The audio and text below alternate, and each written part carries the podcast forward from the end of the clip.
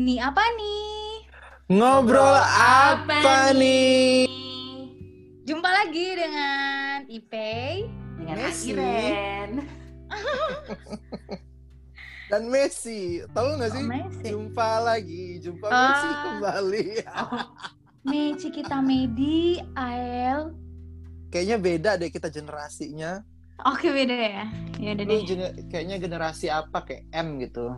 Ya, generasi- Silakan teman-teman jawab ya itu lagunya siapa sebenarnya, oke? Pasti Messi. Nah. Ah, Oke. eh di minggu yang baru ini kita masuk di episode ke-6. Nih apa nih? Biasa. Yeay. Kita ternyata bertahan ya.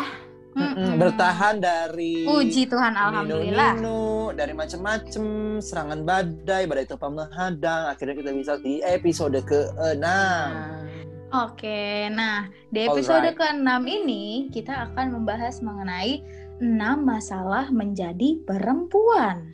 Wadaw. Wow. Masalah Ren, jadi perempuan Ren.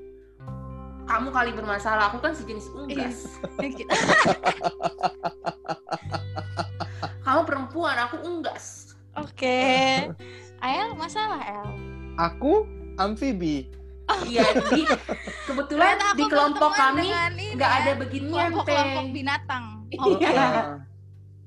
Gagal jadi bintang, binatang aja say. Ah, Biar nggak sedih ya kan? Oke, lagi? balik lagi say. Jadi kita akan ngebahas 6 masalah menjadi perempuan. Mhm. Menurut kalian berdua nih, apa sih yang Hmm, membuat ujian ini, menjadi ujian. perempuan? Iya, tolong dipikirkan baik-baik jawabannya. Kenapa menjadi perempuan itu sebuah masalah? Maaf Bu Guru, saya boleh ini nggak? Eh, Izin ini kencing. 50-50. Aku as, as the audience boleh nggak? Oh, sudah. sayangnya ini tidak dua arah. Suara ya. Cepat jawab, cepat jawab. Kenapa? Tadi gimana? Kenapa? Kenapa? Kan tadi kita ngomongin tentang masalah menjadi perempuan. Kenapa Mm-mm. menjadi perempuan itu masalah? Bermasalah kalau dunia kita masih memakai paham patriarki. Asal. Yo, eh, jawabannya luar Iya. biasa. Oh sama sih, kebetulan tadi barusan nyontek sama Ael. Oke kalau gitu udah sekian dari Nih Oh, apa udah sekian nih? Sampai jumpa minggu depan teman-teman. Satu aja belum loh. Satu belum ya. Bapak-bapak, Ibu-ibu. Oke ya. deh. Gimana Jadi nih siapa tadi yang mulai? dibilang sama Ael. Nah, jadi kan konsep patriarki ini memang mengakar sekali di dalam kehidupan masyarakat kita ya, dan di belahan dunia mana pun. Nah, salah satu dampak buruk dari konsep patriarki yang mengakar ini akhirnya menjadikan perempuan sebagai subordinat dari laki-laki, benar nggak? Betul. Atau katanya sih sebagai second sex. Menurut siapa Iren? Hmm. Susah ngomong namanya? Simon de Bravo. Beauvoir. Gitu. Nah, Iya. Ala-ala. Sekarang kita mau ngomongin poin yang pertama, masalah menjadi per- perempuan di masyarakat kita. Nah, dalam kehidupan, khususnya kehidupan perempuan yang paling sering dirasakan yaitu kan objektifikasi kepada perempuan atau Mm. melihat perempuan sebagai objek atau barang atau benda atau properti. Aduh, OVJ Hmm. nih. Mm-mm, bukan properti itu. Nah, karena dijadikan sebagai barang, objek atau properti itu, maka seksualitas perempuan selalu diberi nilai atau harga. Yang sering Hmm. terjadi seperti itu.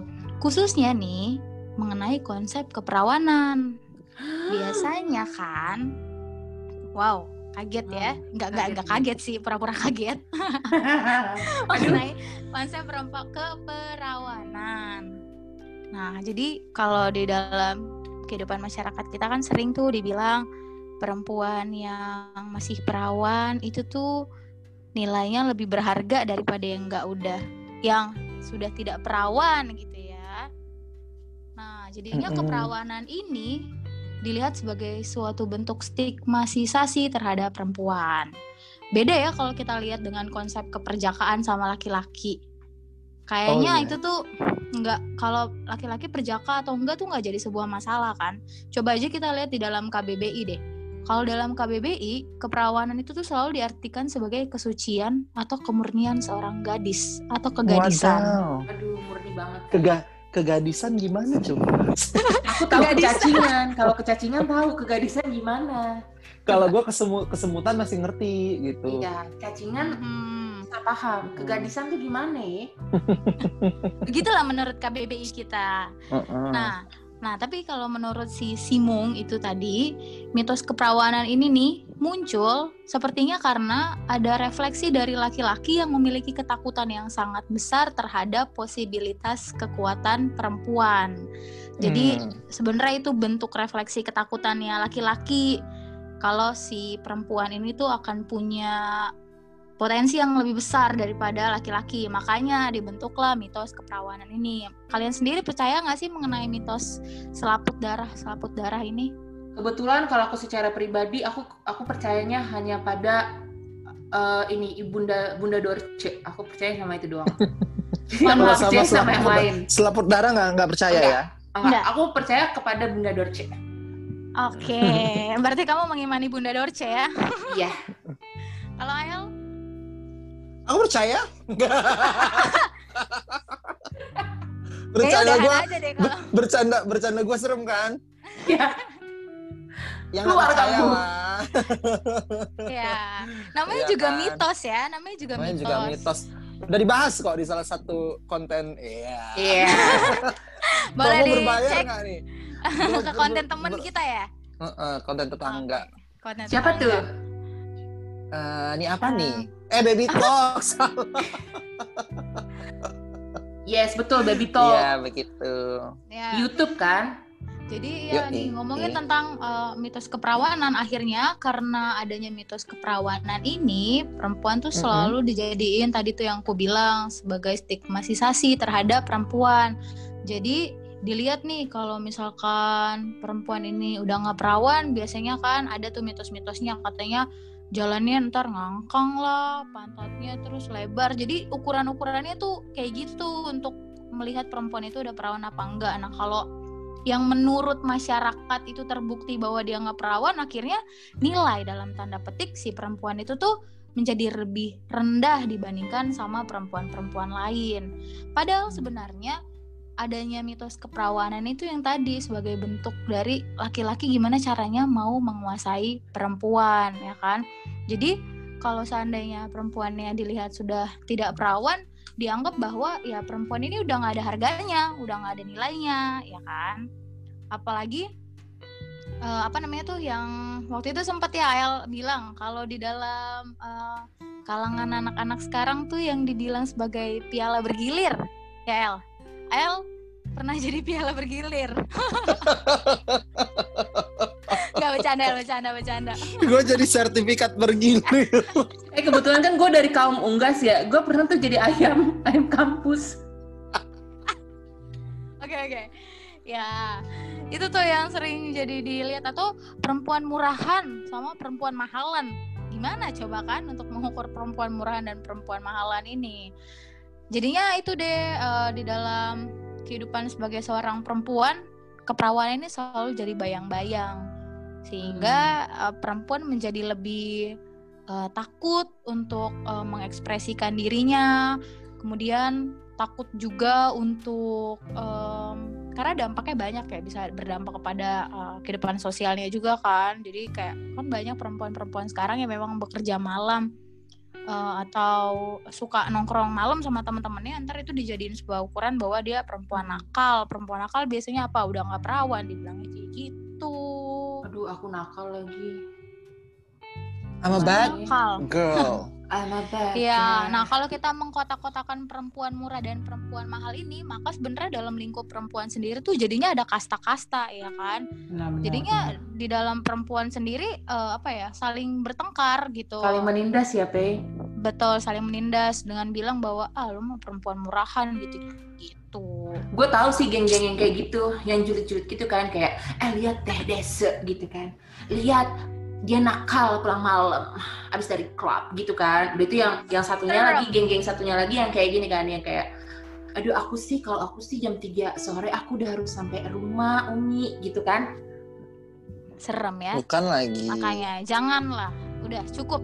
Namanya juga mitos, nggak usah di eh, apa namanya dijadiin wacana-wacana obrolan lagi. Oke, Iya, next betul. lah. Oke. Kedua. Next, Siapa? Siapa nih? kedua. aku aja deh ya. Ya, Yang deh. kedua, kalau dari aku, aku juga pengen ngebahas kalau tadi IP bilang perempuan itu jadi eh, apa namanya objek gitu ya, eh, diobjektifikasi. Aku juga pengen bahas tentang eh, salah satu, tapi ini lebih spesifik objektifikasi perempuan eh, di ranah eh, dalam dalam eh, diskursus tentang media begitu. Jadi eh, aku pengen ngebahas tuh namanya ada sebuah konsep disebut male gaze. Wow, apa at- tuh? at- atau eh, Apa itu? tatapan tatapan seorang lelaki Apa? lelaki tatapan lelaki male gaze gitu ya. Nah ini eh, konsep yang disampaikan sama ada satu tokoh gitu ya eh, kritikus film namanya Laura Mulvey. Nah dia bilang bahwa ternyata di media kita ya media yang di- di- ditunjukkan di, di yang kita tonton itu ternyata menggunakan perspektif laki-laki dalam eh, mulai dari pengambilan gambar sampai Hmm. bagaimana dia membayangkan bahwa film ini atau eh, konten fi- di di layar TV ini ditonton oleh eh, penonton yang juga eh, adalah seorang laki-laki gitu. Nah, Sorry, sorry, gue nyela. Gak semua media, coy. Soalnya kalau gue tontonan gue kalau nggak baby talk ya nih apa nih? Wadah, ya ini kan yang sekarang, sekarang udah mulai progresif.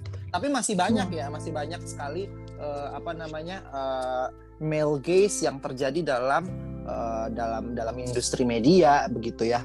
Nah, eh, apa namanya? Kenapa ini jadi problem eh, sebagai seorang perempuan? Karena perempuan eh, kalau tadi IP juga bahas secara umum, tapi ini secara khusus di media itu dianggap sebagai sesuatu objek yang dinikmatin dan kemudian dia tidak punya keputusan untuk eh, untuk eh, apa namanya ya untuk bilang bahwa sebenarnya aku mau di eh, mau dilihat atau dipertontonkan dia nggak punya power dengan itu misalnya contohnya kalau kita nonton iklan eh, misalnya iklan ro- iklan rokok padahal kan iklannya rokok tapi eh, misalnya eh, tiba-tiba dia ada cewek berjoget-joget, nari-nari, atau bahkan misalnya pompa, jual pompa air. Jual pompa air, perempuannya joget-joget. Sedotannya kenceng gitu kan. Iya nggak sih? Aduh. Ambigu ya. Ingat Sedotannya itu? pol gitu ya, pol. Nah itu itu kan sebenarnya eh, apa namanya male gaze bekerja dalam pembuatan iklan tersebut karena eh, Hmm, apa oke. namanya eh, kamera itu di di di di di kamera yang merekam sebuah adegan itu itu tuh diproyek di, digambarkan sebagai mata laki-laki yang ingin menangkap apa yang pengen dilihat oleh laki-laki. Dalam hal ini laki-laki ini ya laki-laki heteroseksual ya. Jadi objeknya adalah seorang perempuan seksi yang diobjektifikasi, dinikmati gitu ya Hmm. eh, untuk eh, si yang punya kacamata kamera itu adalah laki-laki tapi juga penonton juga untuk disampaikan kepada laki-laki heteroseksual. Nah, impactnya apa sih buat perempuan ya? Impactnya buat perempuan adalah perempuan jadi barang eh, eh, alih-alih mereka di, di diberikan ruang untuk menunjukkan eh, ini mereka apa namanya kemampuan mereka eh, kebolehan mereka. Tapi ternyata dalam male gaze perempuan hanya dija- disaji- dijadikan sebagai sajian untuk men- dinikmati bersama-sama oleh mata-mata laki-laki. Itu begitar Hmm, gitu teman-teman Tapi kita kadang-kadang suka nggak aware ya sama ini. Kayaknya dulu zaman gue kecil tuh gue sering banget tuh iklan oli, inget nggak lo? gimana itu Pakai payung, tiba-tiba motor eh, lewat, motor gede gitu kan, zek, anginnya kencang, roknya kebuka, aw, kayak gitu kan. betul Ya nggak sih? betul Tapi dulu kan banget. malah jadinya, ih keren, lucu. Jadi gue jadi kayak pengen jadi cewek-cewek umbrella itu. Oh ya. Iya benar. Sama yang sales-sales rokok juga ya. Heeh, ya kan? Betul, sales rokok iya benar, sales rokok gitu. Jadi Dulu aku ngelamar gitu nggak diterima. Kenapa? Bagus deh. Iya karena nggak nggak muat bajunya. Kalau nggak kamu jadi sajian mata laki-laki. Dan Iya. dan dan dan kalau yang paling gampang tuh, yang paling mudah kita lihat tuh film kalau di Indonesia itu film-film horor, ya kan? Oh ya benar benar. benar. Ya kan? Oh, Ada iya. film horor judulnya Pacar Suster Perawan. Perawan. Ya Ah, kan? perawan itu menjadi sesuatu yang uh, yang menggoda dan menjadi sajian utama bagi laki-laki uh, mata laki-laki itu male gaze gitu atau hmm. menakutkan dibuat menyeramkan gitu uh, tapi dan kita udah pasti tahu ya uh, kamera yang disorot adalah paha yeah. dada paha dada paha dada ya kan ayam KFC teriak kaget terus yang di yang disorot adalah payudara. Kan nggak lucu maksudnya aneh nggak nyambung kayak gitu. Itu itu itu salah satu contoh male gaze betul betul betul. Begitu. Okay. nomor Next. tiga. Nomor tiga adalah ada yang pernah dengar dengan istilah ibuisme teman-teman? Kok gue jadi kayak penyanyi di Karawang? Uh, seibu aku tahu? Ibuisme. Oh seibu. Bagus masukin terus iklan-iklan ya kan siapa tahu dengar terus masuk deh buat ah, kita. datang lo ibu apa namanya seibu datang ke sini. Kirain datang ibu ih serem. Ih takut gimana gimana? Boleh jelasin nggak apa sih itu ibu aku nggak tahu Iren. Jelasin nama aku dong. Jadi uh, kalau dulu tuh kalau dulu tuh ada namanya istilah ibuisme negara. Aduh jadi ibuisme, mm-hmm. ibuisme negara itu adalah singkatnya ya, itu adalah suatu paham yang menempatkan kaum perempuan sebagai pekerja domestik tanpa dibayar demi mendukung kapitalisme negara. Jadi sebenarnya oh. paham ibuisme ini tuh merupakan konstruksi sosial yang fe, yang feodalistik dan paternalistik yang diciptakan selama pemerintahan Orde Baru di Indonesia. Tapi jangan sedih, emang ibuisme negara itu tuh uh, sekarang ini tuh mulai uh, terkikis gitu ya. Cuman yang menjadi uh, permasalahan adalah ibuisme ini berubah bentuk menjadi yang tadinya ibuisme negara menjadi ibuisme agama. Jadi lebih serem ya, Say, gitu ya kan? Oh, oke okay, oke. Okay. Wow. Nah, uh, ngulik dikit nih ya, kenapa mm-hmm. sih gitu ya? Kenapa sih ibuisme itu tuh uh, menjadi penting gitu untuk kita bahas gitu ya? Terus emang bagaimana sih perempuan pada masa Orde Baru? Kayaknya fine fine aja deh mereka.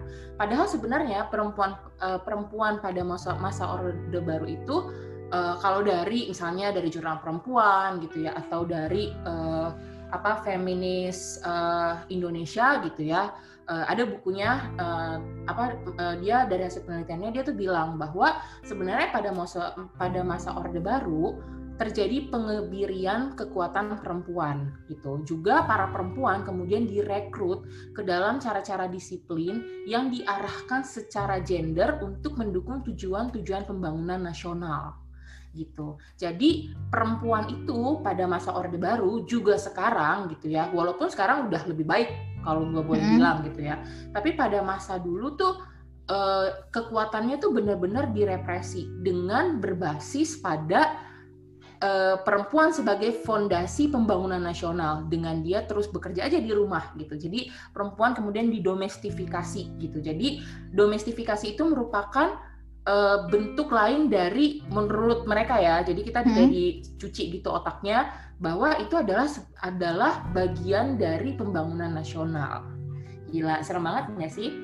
Lalu ya, itu ya yang apa sih ketahanan rumah itu dari ketahanan betul gitu. betul ketahanan hmm. negara dari ketahanan rumah gitu ya kan. Hmm. Nah lalu ibuisme itu sebenarnya bentuk eksplisit versi Indonesia nih dari doktrin patriarki yang mengingkari kekuatan sosial dan politik perempuan dengan menetapkan wilayah mereka hanya pada rumah dan keluarga. Gitu. Hmm.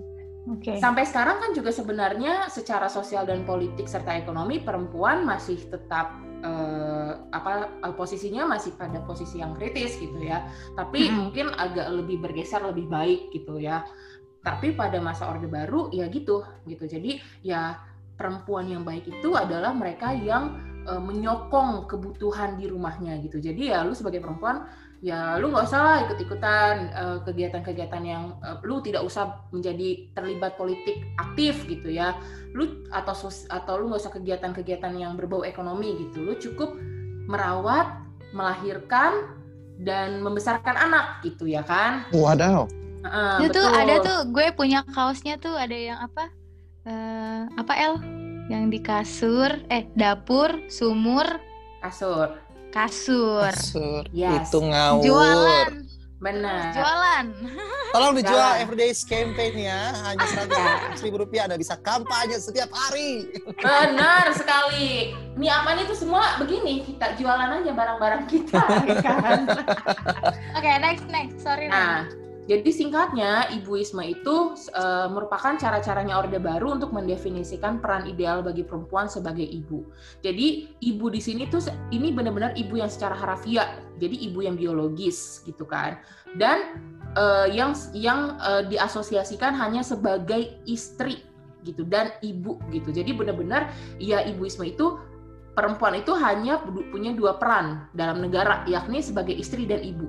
Artinya apa? Perempuan-perempuan pertama harus nikah dan perempuan-perempuan semua perempuan itu harus stay di rumah gitu ya. Dan mereka harus melahirkan, ya enggak? Dan mereka harus nurture keluarganya gitu. Jadi itulah eh, tanggung jawab perempuan. Pada masa itu juga kebany- masih banyak perempuan yang yang tetap berada pada posisi itu di masa sekarang gitu ya. Nah lalu kenapa kemudian eh, terus ini gue gua gua kerucutin gitu ya dari ibuisme itu kenapa sih kemudian ibuisme ini perlu untuk kita perlu kita aware soal ini? Karena nih menyangkut kayak tadi ya kan dibilang bahwa perannya perempuan itu hanya sebagai either istri atau ibu gitu ya enggak sih malah nggak ada pilihan itu gitu ya jadi peran perempuan hanya ya istri dan ibu gitu dan ini berarti menyangkut tubuh perempuan tubuh perempuan yang Oke. lebih spesifik adalah rahim ya dong kalau Mhm. bicara menjadi menjadi ibu berarti bicara soal rahim gitu ya. Padahal sebenarnya nggak semua ibu harus menggunakan rahimnya, ya kan? Iya. Nah, tapi dari konsep ibuisme ini kita bisa lihat bahwa ibu yang dimaksud adalah ibu dalam maksudnya gambaran ibu apa ya kayak eh, entitas ibu itu adalah mereka yang menggunakan rahim gitu. Mereka yang Reproduksi. mempu- yes, mereka yang yang yang eh, ya yang yang bereproduksi gitu ya. Itulah ibu gitu. Nah, lalu kondisi eh, kondisi perempuan yang demikian itu menjadikan perempuan gitu ya menjadi sangat sulit nih untuk apa? Untuk menyatukan status dirinya sebagai individu yang merdeka gitu. Karena dia dia nggak punya pilihan kan? Ya pilihannya sebagai perempuan yang menikah punya anak gitu kan. Eh, itu udah udah seperti takdir dari keperempuanan mereka. Dan ini yang kemudian menjadi sumber dari segala kegelisahan dan kesalahan konsepsi kita ya mengenai seks gitu, mengenai posisi perempuan, mengenai gender kita sebagai perempuan gitu. Tapi yang kemudian gue lihat adalah perempuan kita sendiri sering kali itu kemudian kita menyerah pada permasalahan ini. Sehingga kita kerap gitu ya, kita lebih suka untuk eh, ya menyerah aja terhadap kondisi dan perbudakan identitas yang menindas gitu ya kan. Karena ya udahlah udah kodratnya jadi perempuan ya jadi istri dan jadi ibu gitu ya. Dan ya sebagai perempuan ya lo harus menggunakan rahim lo gitu kan. Segala cara dilakukan eh, untuk bereproduksi gitu kan kenapa ini menindas kenapa sih rahim kan emang fungsinya untuk bereproduksi guys gitu tapi kenapa ini bisa menjadi penindasan karena tubuh perempuan ini, yakni rahim itu sendiri, ya kan, dijadikan senjata untuk menindas perempuan. Gitu. Kenapa? Karena bayangin ya, jadi eh, rahim itu tuh menjadi eh, dia tuh bu- dia tuh menjadi objek gitu. Dia bukan menjadi subjek, yakni yang yang yang menjadi satu kesatuan dari perempuan. Tapi perempuan kemudian ditentukan keperawa- keperempuanannya dari fungsi rahimnya gitu ya kan? Iya, gue udah kayak mama ini ya menjelaskannya ya, kayak mama Lauren gitu Kalau ya kan. kalau anda-anda semua bisa melihat bagaimana Iren menjelaskan. Ah, Menggebu-gebu seperti biasa Iya, ya kan. mendalam. Benar avatar, benar-benar. Nah, lanjut ya. Eh, Hmm. Tapi sebenarnya kenapa sih eh, apa kenapa sih penindasan berbasis rahim ini tuh terjadi? Sebenarnya ini nyambung teh dengan eh, dengan pendapat lo tadi gitu. Maksudnya ini tuh nyambung dengan eh, dengan power, dengan power laki-laki, dengan ketakutan laki-laki gitu. Jadi kalau pada masa dulu ya kan laki-laki itu eh kita kan sudah mengenal sistem patriarkal itu kan dari manusia diciptakan gitu ya. Lalu kemudian laki-laki itu takut pada alam gitu. Oleh karena itu laki-laki berusaha untuk eh, apa ya menguasai alam gitu ya. Dari awal di eh, diciptakan tuh udah begitu gitu ya. Terus eh, perempuan ya secara khas itu tuh mirip sebenarnya dengan alam. Karena apa? Karena kita punya kemampuan untuk melahirkan. Kita kita punya kemampuan untuk uh, menutrisi gitu, untuk nurture gitu ya. Nah, jadi laki-laki kemudian menganggap kita tuh sebagai alam yang wajib untuk dikuasai uh, gitu ya. Gitu. Jadi uh, ketakutan laki-laki ini gitu. Jadi sebenarnya laki-laki tuh menganggap perempuan tuh sangat besar gitu. Makanya uh, karena dia takut makanya dia perlu untuk menguasai kita, yaitu lewat apa? Lewat rahim. Karena bagi mereka rahim itu kan sumber kehidupan, ya kan? Bayangin kalau lu bisa meng, bisa menguasai sumber kehidupan itu berarti lu menguasai keseluruhan dari entitas itu sendiri kan? Nah, hmm. jadi gitu. Nah, lalu intinya adalah uh, tubuh perempuan atau rahim perempuan itu tidak lagi mengalami dirinya gitu. Yang ada tubuh perempuan khususnya rahim kemudian diobjektifikasi dan direpresi gitu oleh power untuk menguasai itu. Gitu. Okay, jadi perempuan kehilangan otoritas terhadap tubuhnya ya? Iya, yes, bahkan bukan hanya tubuhnya sendiri, bahkan untuk dirinya sendiri dia nggak punya otoritas. Gitu. Oke, okay, wow, menarik sekali. Masalah yang menarik. Oke, kita lanjut ya. kita lanjut. lanjut. Yang keempat. Benar ya? Apa yang keempat. Nah, hal keempat susahnya jadi perempuan yaitu sering dianggap sebagai sumber kekerasan seksual. Sederhananya tuh gini, semua tindakan kekerasan seksual yang terjadi pada perempuan dianggap bahwa sumbernya ya dari si perempuan itu. Wow. Contohnya nih, sering kan kalau uh, eh, gue ngambilnya coba dalam lingkup rumah tangga ya misalnya ketika terjadi marital rape atau pemerkosaan uh, di dalam perkawinan, pasti yang akan disalahkan itu perempuan, ya kan? Karena ya itu dianggap bahwa perempuan itu adalah milik laki-laki, yaitu melihat dia sebagai objek, ya kan? Jadi dia sebagai kepunyaannya laki-laki. Jadi apalagi sudah dalam uh, apa namanya relasi pernikahan, ya terserah lah laki-laki mau memperlakukan apa terhadap perempuan. Nah, sering kali sering kali jadinya masyarakat kita tuh mewajarkan tindakan pemerkosaan yang terjadi. Waduh. Karena yaitu menurut masyarakat ya perempuan adalah milik laki-laki. Yes. Jadi kalau gue lihat ya hal ini tuh terjadi karena cara berpikir diskriminatif yang berkembang di masyarakat. E, perempuan tuh dianggap nggak setara dengan laki-laki. Jadi ya udah wajar aja perempuan tuh mau diperlakukan kurang atau di bawahnya laki-laki. Ya ujung-ujungnya terjadi kekerasan itu. Kirain ujungnya ujung tombak. Mau ngelucu mau imajinasi ngelucu. imajinasi lu aneh-aneh aja dah eh tapi menarik loh pe yang lu bilang. Sorry gue potong. Tapi menarik apa? Uh, menarik tambang. Menarik becak.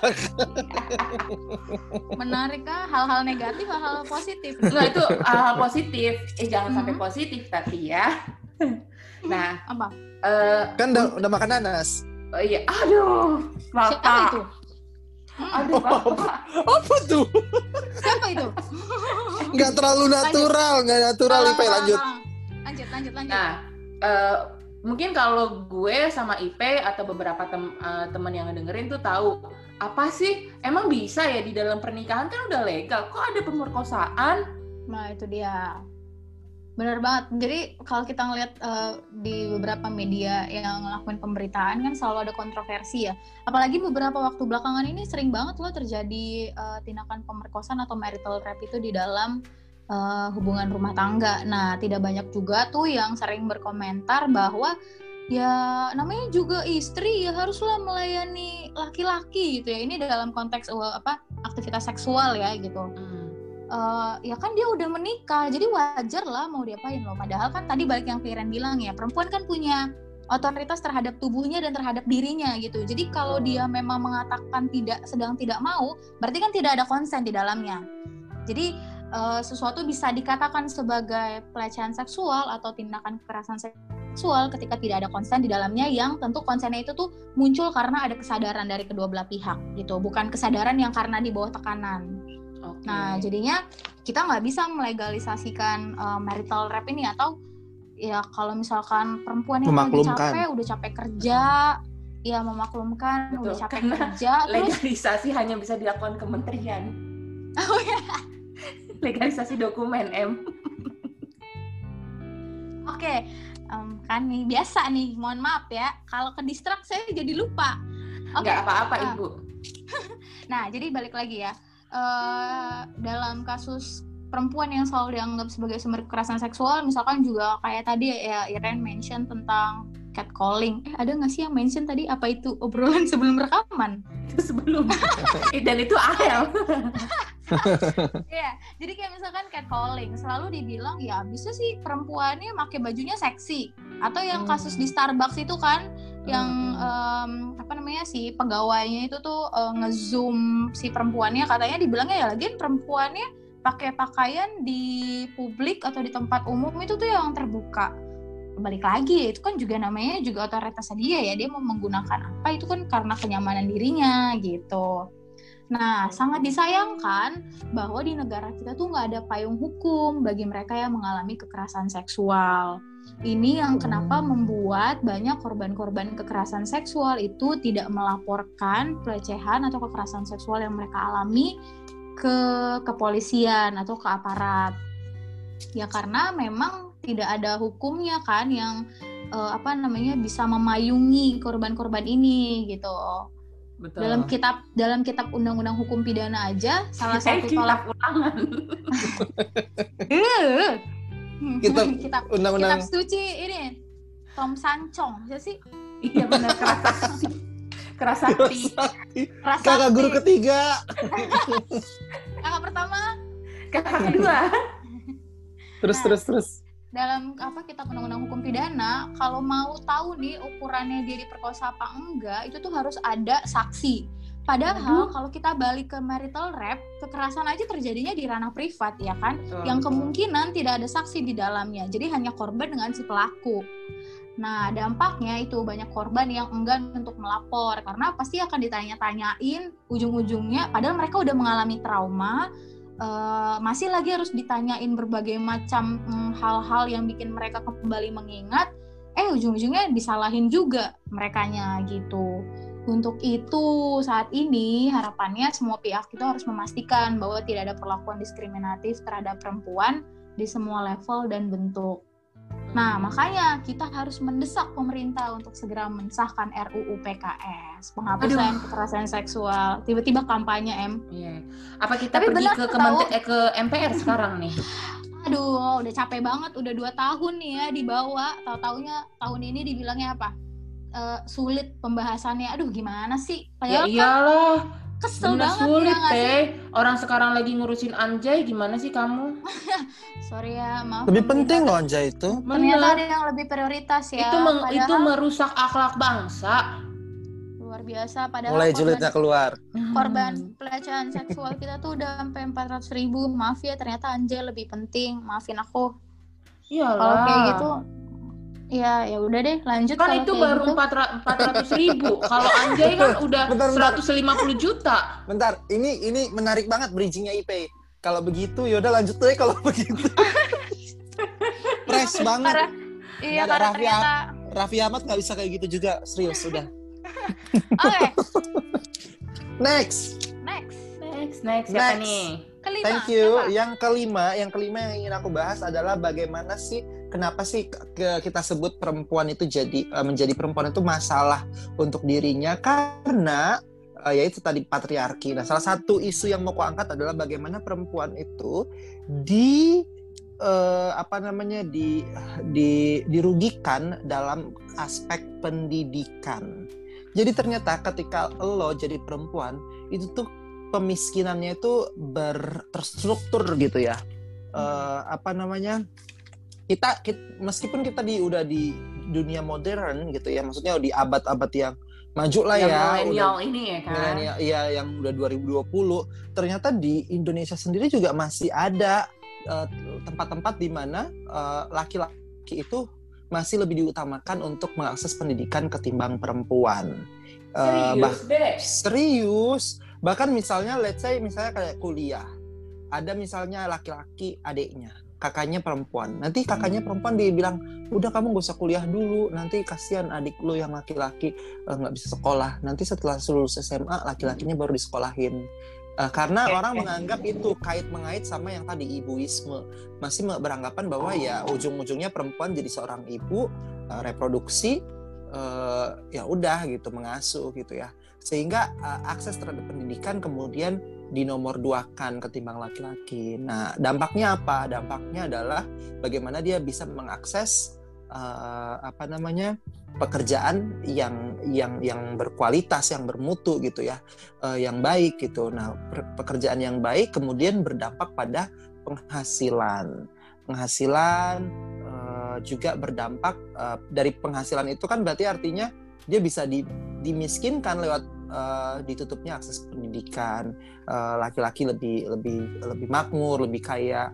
Nah, dampak lainnya apa sih laki-laki bisa lebih kaya gitu kalau ada in, apa imbalance dalam hal apa eh, ba- apa namanya income gitu ya dampaknya bisa banyak kalau dana udah lebih eh, timpang pasti eh, power imbalance bakal muncul Ke- ketika terjadi ketidaksetaraan kuasa lewat eh, apa kepemilikan dana barang gitu ya kemudian bisa saja laki-laki semena-mena kemudian eh, melakukan kekerasan, kes- kesewenang-wenangan dan lain sebagainya. Nah, kalaupun misalnya ternyata dia si perempuan bisa akses eh, ke, ke ke apa namanya ke pekerjaan, nah si perempuan ini juga eh, ada masalah baru lagi, yaitu adanya eh, pay gap issue. Pay gap issue berarti artinya eh, pembayaran eh, itu tuh ada gap antara perempuan dan laki-laki. Biasanya eh, rasionalnya apa namanya alasan eh, perusahaan adalah karena oh karena laki-lakinya eh, itu ada tunjangan istri, tunjangan anak gitu. Atau tun- eh, terus kalau yang perempuan nggak ada gitu. Meskipun Oh, dia juga iya. bekerja. Kemudian promosi juga biasanya lebih banyak condong eh, ya karena tadi patriarki kemudian menganggap ya laki-laki lebih lebih diprioritasin. Ini tuh nggak cuma karena eh, bu- bukan karena skill ya yang yang yang yang timpang gitu atau mungkin bisa juga dipengaruhi karena kan tadi mulai dari awal ya pendidikannya aksesnya nggak setara gitu ya tapi juga bisa jadi karena ada double burden eh, beban ganda si perempuan mungkin eh, dia menikah gitu ya di rumah dia harus ngurus anak ngurus suaminya kasih makan dan lain sebagainya sehingga performanya jadi bisa menurun karena ya dia harus bekerja lagi ekstra double ekstra triple gitu ya. Udah ngurus ini itu ini itu. Kemudian dia akhirnya eh, nggak punya kesempatan yang sama seperti laki-laki atau si suami ini untuk bisa naik jabatan. Nah ini tuh kait mengait ya ekonomi eh, apa namanya karir dan juga menjadi seorang perempuan. Itu dimulai dari bagaimana akses pendidikan di awal yang tadi eh, untuk kemudian mencapai ini berdampak pada terus-terusannya ya. Makanya kalau orang bilang being male eh, itu privilege dan mereka nggak sadar dan mereka nggak setuju ya karena menjadi Karena itu udah jadi normal bagi mereka ya. Iya, nggak karena Mm. pri- privilege itu uh, orang nggak nggak sadar kan kita privilege gitu ya. Uh, pasti ada blind spot dari kita. Nah, uh, dan dan dan ya itu kayak kamu bilang, ya itu orang merasa sadar bahwa eh apa merasa itu sebuah hal yang normal sehingga kita nggak rasa itu sesuatu yang istimewa gitu. Begitu deh, begitar. sih? Tapi bener banget tahu Oke. di tempat di tempat kerja tuh banyak tahu yang para perempuan tuh nggak bisa bukan nggak bisa tapi susah naik jabatan karena gini nih. Ya namanya juga dia kan perempuan, ntar dia nikah punya anak, belum lagi nanti hamil cuti setahun, ya kan? Oh ya. Ya kan? Jadi, Jadi, dianggapnya mengurangi produktivitas Eh, eh. bekerja ya. betul em gitu kan. Aduh, Kasihannya menjadi perempuan. Oke, lanjut. iya untung aku unggas. Iya, aku berubah aja lah. Iya kamu berubah aja kalau nggak jadi amfibi unggas. Hmm, ntar aku cari yang lain. Oke. Yang Next. terakhir. Yang terakhir. Yang Terakhir. terakhir adalah diskriminasi regulasi. Kenapa sih gue berkaitannya sama pemerintah mulu? Cipe juga Oh, iya. pasti kita selalu deh sama pemerintah. Ini apa nih takut ditangkep. kan deg-degan. Terlalu deh. banyak terlalu banyak bacot katanya ini apa nih. Heeh, takut-takut hilang. Aduh, mundir aja belum di Aduh, Ups. ya. Aduh, ya. Iren. Keceleposan. Nih PL? Gitu kan. Pak Jokowi. Tenang, masih dua tahun lagi. Astagfirullahaladzim. Yes, lanjut ya. Yes, nah yang terakhir ya, yakni adalah diskriminasi regulasi. Nomor enam nih. Waduh, yes, ini nomor 6. Emang ada ya regulasi kita yang sangat mendiskriminasi perempuan? Banyak, ternyata Banyak. ya Em, banyak, Banyak, ya. banget gitu ya kan. Kan. Aduh, Ah, Indonesia, iya, Indonesia. Nah, jadi eh, salah satu, jadi kan ada, banyak nih undang-undang yang mendiskriminasi eh, perempuan gitu. Nah, tapi salah satu yang paling mencolok adalah Undang-Undang Nomor 1 Tahun 1997 khususnya pada pasal 7 tentang perkawinan, yakni batas umur minimal perkawinan perempuan yakni eh, yang berada pada eh, batas umur 16 tahun dan laki-laki pada usia 19 tahun. Walaupun nih teman-teman eh, sebenarnya undang bukan sebenarnya ini faktanya adalah Undang-Undang Nomor 1 Tahun 1997 ini itu sudah direvisi gitu. Eh, keluarnya adalah hasil revisiannya eh, adalah Undang-Undang Nomor 16 Tahun 2019 gitu. Jadi eh, terjadi perubahan nih dari undang-undang yang lama mengenai usia bat usia batas minimal perkawinan itu. Itu yang tadinya perempuan eh, itu berada pada usia minimal 16 tahun dan laki-laki 19 tahun sekarang menjadi sama nih di Undang-Undang Nomor 16 Tahun 2019 itu menjadi kedua-duanya tuh sama di batas 19 usia yang 19 tahun ya. tahun gitu. Tapi yang perlu lo tahu adalah eh, untuk mencapai pada revisi undang-undang ini itu bukan sesuatu yang gampang yang ya udahlah gue sodorin aja dokumennya terus besoknya jadi enggak enggak sama sekali. Tapi ini butuh eh, waktu yang lama dan perjuangan yang benar-benar mati-matian gitu dari para aktivis pemerhati anak dan perempuan gitu ya kan. Eh, gitu jadi mereka tuh bener-bener kayak mendesak pemerintah tuh untuk mengga- untuk merevisi ini gitu memberikan maksudnya ini menjadi suatu yang urgency gitu yang menjadi urgent banget gitu tapi ini takes time gitu ya nggak ya iyalah Hmm. munir aja Bayang- sampai sekarang belum selesai gimana ya Hmm. RUU PKS aja sulit. aduh Bayang, bayangin aja nih dari tahun 1974 ke 2019. Bayangin udah selama Ada. ya. lama ya nggak ya kan nah dan baru berubah loh tahun kemarin gitu kan. Nah, tapi eh kenapa sih padahal ini kan udah berubah gitu, tapi kenapa sih kita tetap perlu aware gitu kan? Karena eh, karena gini, karena undang-undang sebelumnya itu eh ini kan menyangkut batas umur minimal ya kan. Nah, kenapa kita tetap perlu untuk membahas ini gitu? Karena kita juga perlu sadar nih, eh, mungkin banyak dari teman-teman yang nggak tahu nih, eh, kenapa sih perlu ada revisi gitu ya, revisi di undang-undang pernikahan gitu ya kan? Karena di undang-undang yang sebelumnya itu tuh batas eh, umur minimal antara perempuan dan laki-laki itu tuh sangat mendiskriminasikan laki eh, perempuan, sorry, gitu. Dan dari undang-undang yang lama itu sebenarnya negara secara sadar itu sedang melegalkan perkawinan anak, ya kan? Dan bukan hanya melegalkan perkawinan anak, juga pemerintah sedang melegalkan pemerkosaan yang berbasis perkawinan. Kenapa? gitu ya. Kenapa sih perkawinan anak itu kemudian nggak boleh gitu ya? Karena Hmm. perkawinan anak itu adalah bentuk kekerasan yang komplit, yakni dia eh, kekerasannya secara fisik, seksual, mental dan sosial ya. Jadi semuanya tuh all in gitu ya di perkawinan anak kekerasannya itu. Lalu juga perkawinan anak itu sebagai bentuk legalisasi perkosaan terhadap anak yakni perempuan ya karena kan yang di bawah yang yang usia 16 tahun yang di bawah kata de- usia dewasa eh, itu adalah perempuan kan yang dulu ya untuk undang-undang dulu. Nah, eh, atas nama perkawinan karena sesungguhnya segala bentuk hubungan seksual dengan anak-anak itu adalah pemerkosaan. Lalu yang ketiga berkaitan dengan perkawinan paksa di mana anak-anak itu dikawinkan tanpa dimintai persetujuannya. Ya bayangin aja gue usia 16 tahun gue nggak tahu apa-apa, cuman asal ngeliat cinta, udah deh kamu nikah, ya udah yuk kawin gitu kan. Waduh gitu kan. Padahal kan mereka sama sekali sebenarnya belum tahu apa itu konsen gitu kan. Bahkan perkawinan aja mereka juga belum tahu gitu ya. Tapi ya udahlah orang tua udah setuju, pihak sana setuju, gue juga suka ya udah kawin yuk lanjut gitu. Padahal konfliknya nanti setelah itu banyak banget gitu kan. Nah, tapi menurut gue yang menjadi menarik adalah kenapa sih undang-undang ini tuh kemudian bisa keluar undang-undang yang lama.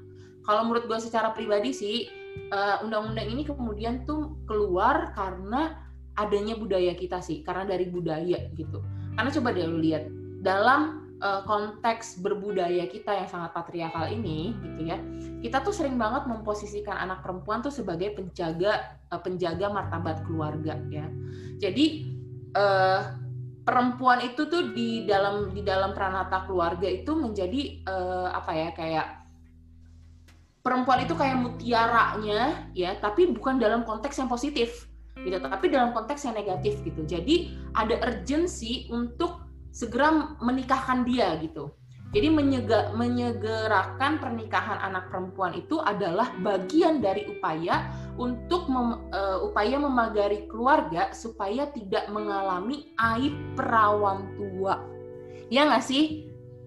Coba ya. di usia gue yang udah 20-an sekian ini gitu ya, kalau belum nikah kan Kita bukannya masih 18 tahun, nak. Halo. Aku, halus Kalau gue secara usia 20 sekian, tapi secara mental beda lagi. Jangan ditanya.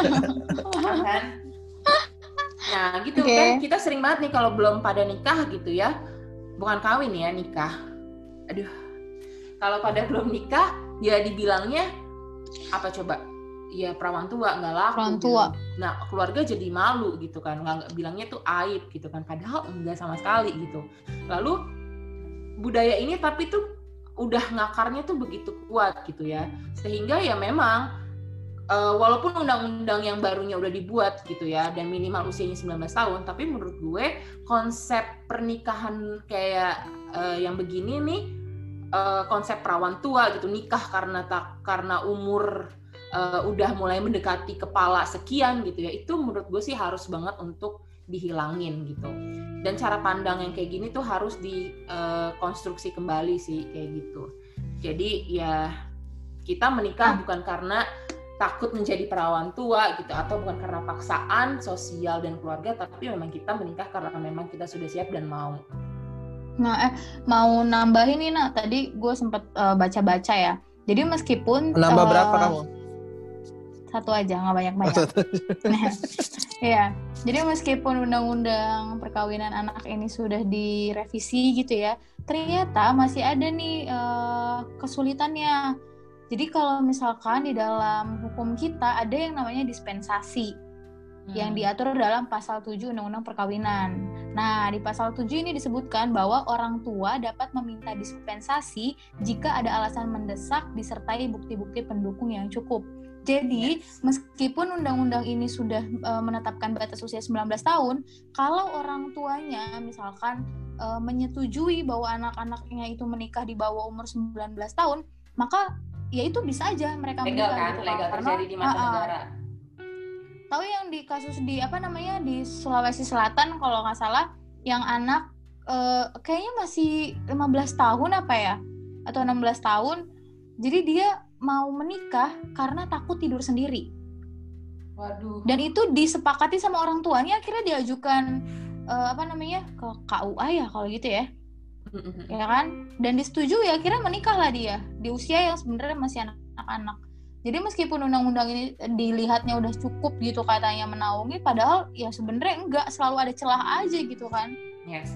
Dan yang lebih gilanya lagi adalah dari undang-undang pernikahan yang masih yang sama ya pada pasal yang sama pasal 7 ini kalau misalnya nih perempuannya mengalami kekerasan seksual misalkan diperkosa gitu ya kan. Hmm. Terus dari dua belah keluarga berunding ya kan. Berunding dan mencapai kesepakatan gitu ya. Kita nikahkan mereka. Itu legal loh di negara kita yang ya. ber gak ngerti lagi gue ini Bayangin ya, ini pemerkosa ya kan?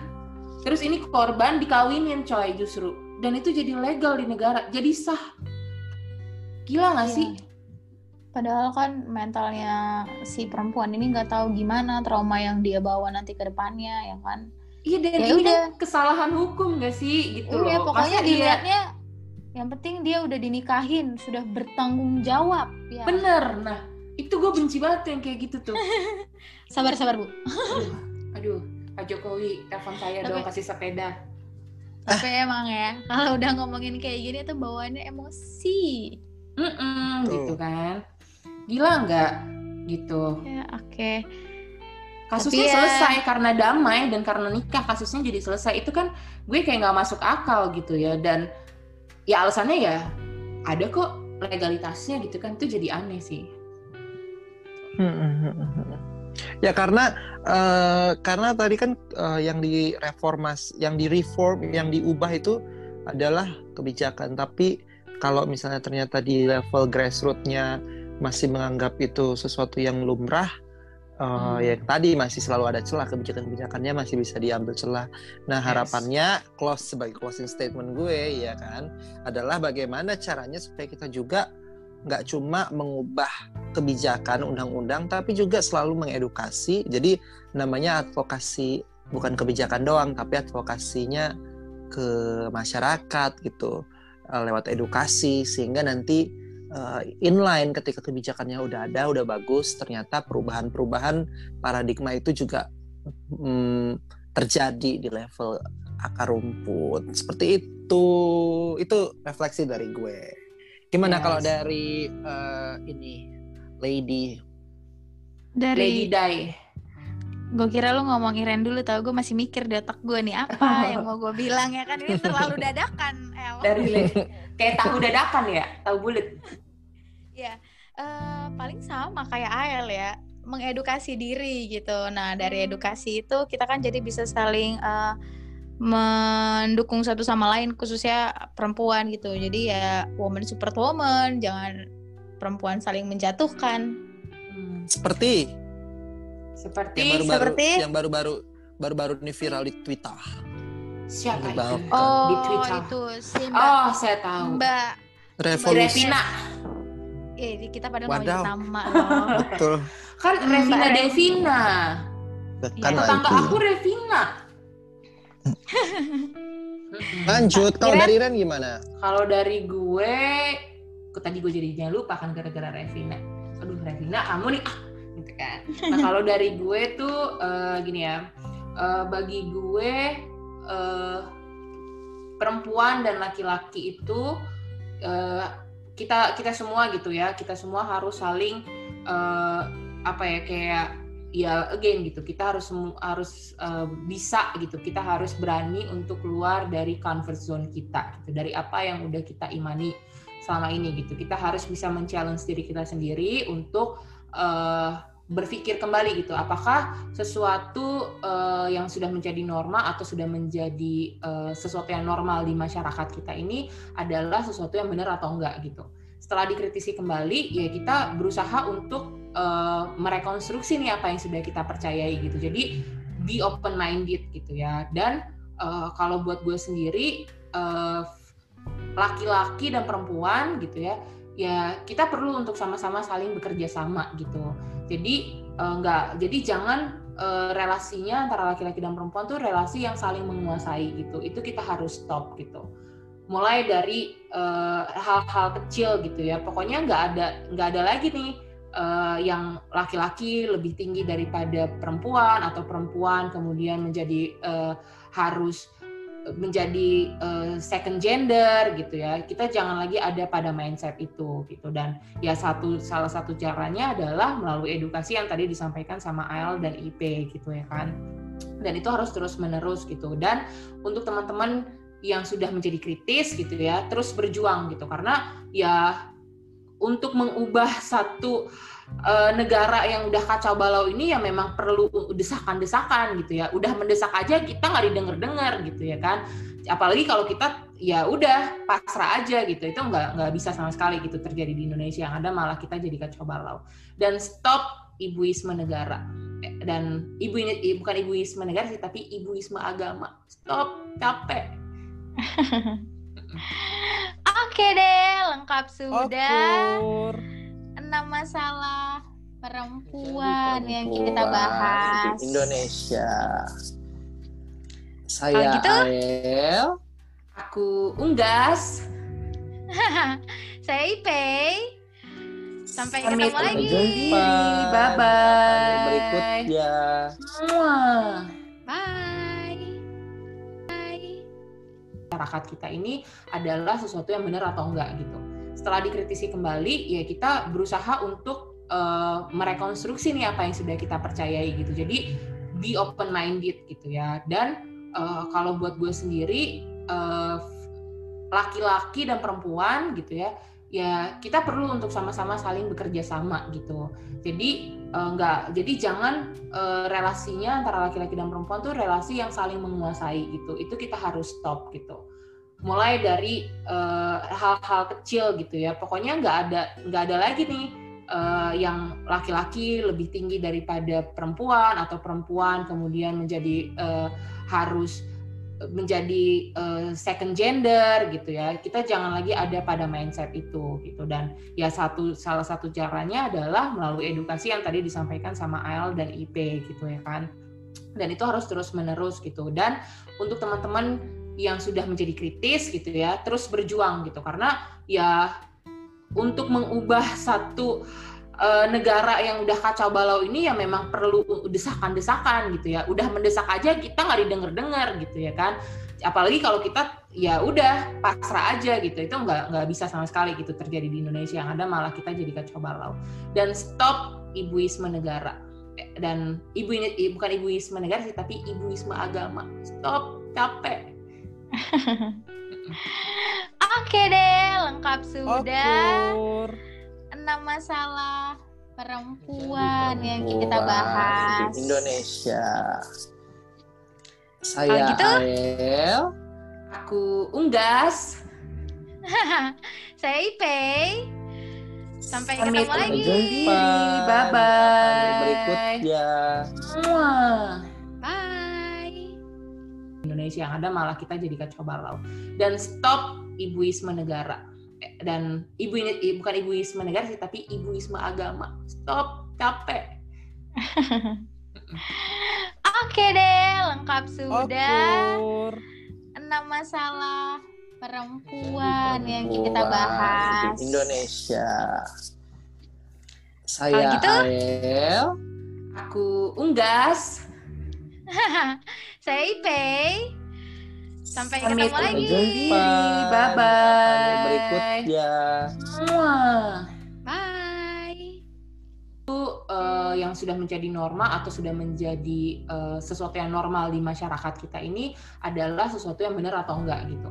Setelah dikritisi kembali, ya kita berusaha untuk uh, merekonstruksi nih apa yang sudah kita percayai gitu. Jadi be open minded gitu ya. Dan uh, kalau buat gue sendiri uh, laki-laki dan perempuan gitu ya ya kita perlu untuk sama-sama saling bekerja sama gitu. Jadi uh, enggak jadi jangan uh, relasinya antara laki-laki dan perempuan tuh relasi yang saling menguasai gitu. Itu kita harus stop gitu.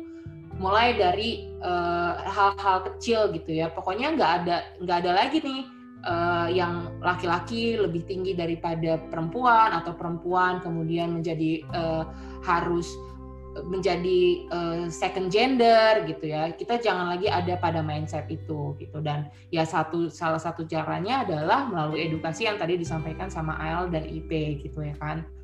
Dan itu harus terus menerus gitu. Dan untuk teman-teman yang sudah menjadi kritis gitu ya terus berjuang gitu. Karena ya untuk mengubah satu uh, negara yang udah kacau balau ini ya memang perlu desakan-desakan gitu ya. Udah mendesak aja kita nggak didengar-dengar gitu ya kan. Apalagi kalau kita ya udah pasrah aja gitu. Itu nggak nggak bisa sama sekali gitu terjadi di Indonesia. Yang ada malah kita jadi kacau balau.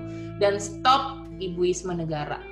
Dan ibu ini bukan ibuisme negara sih tapi ibuisme agama. Stop capek. Oke deh, lengkap sudah. Okur enam masalah perempuan, perempuan yang kita bahas di Indonesia. Saya gitu, Ariel. Aku Unggas. Saya Ipe. Sampai Sampai ketemu lagi. Bye bye. Berikutnya. Bye. Bye.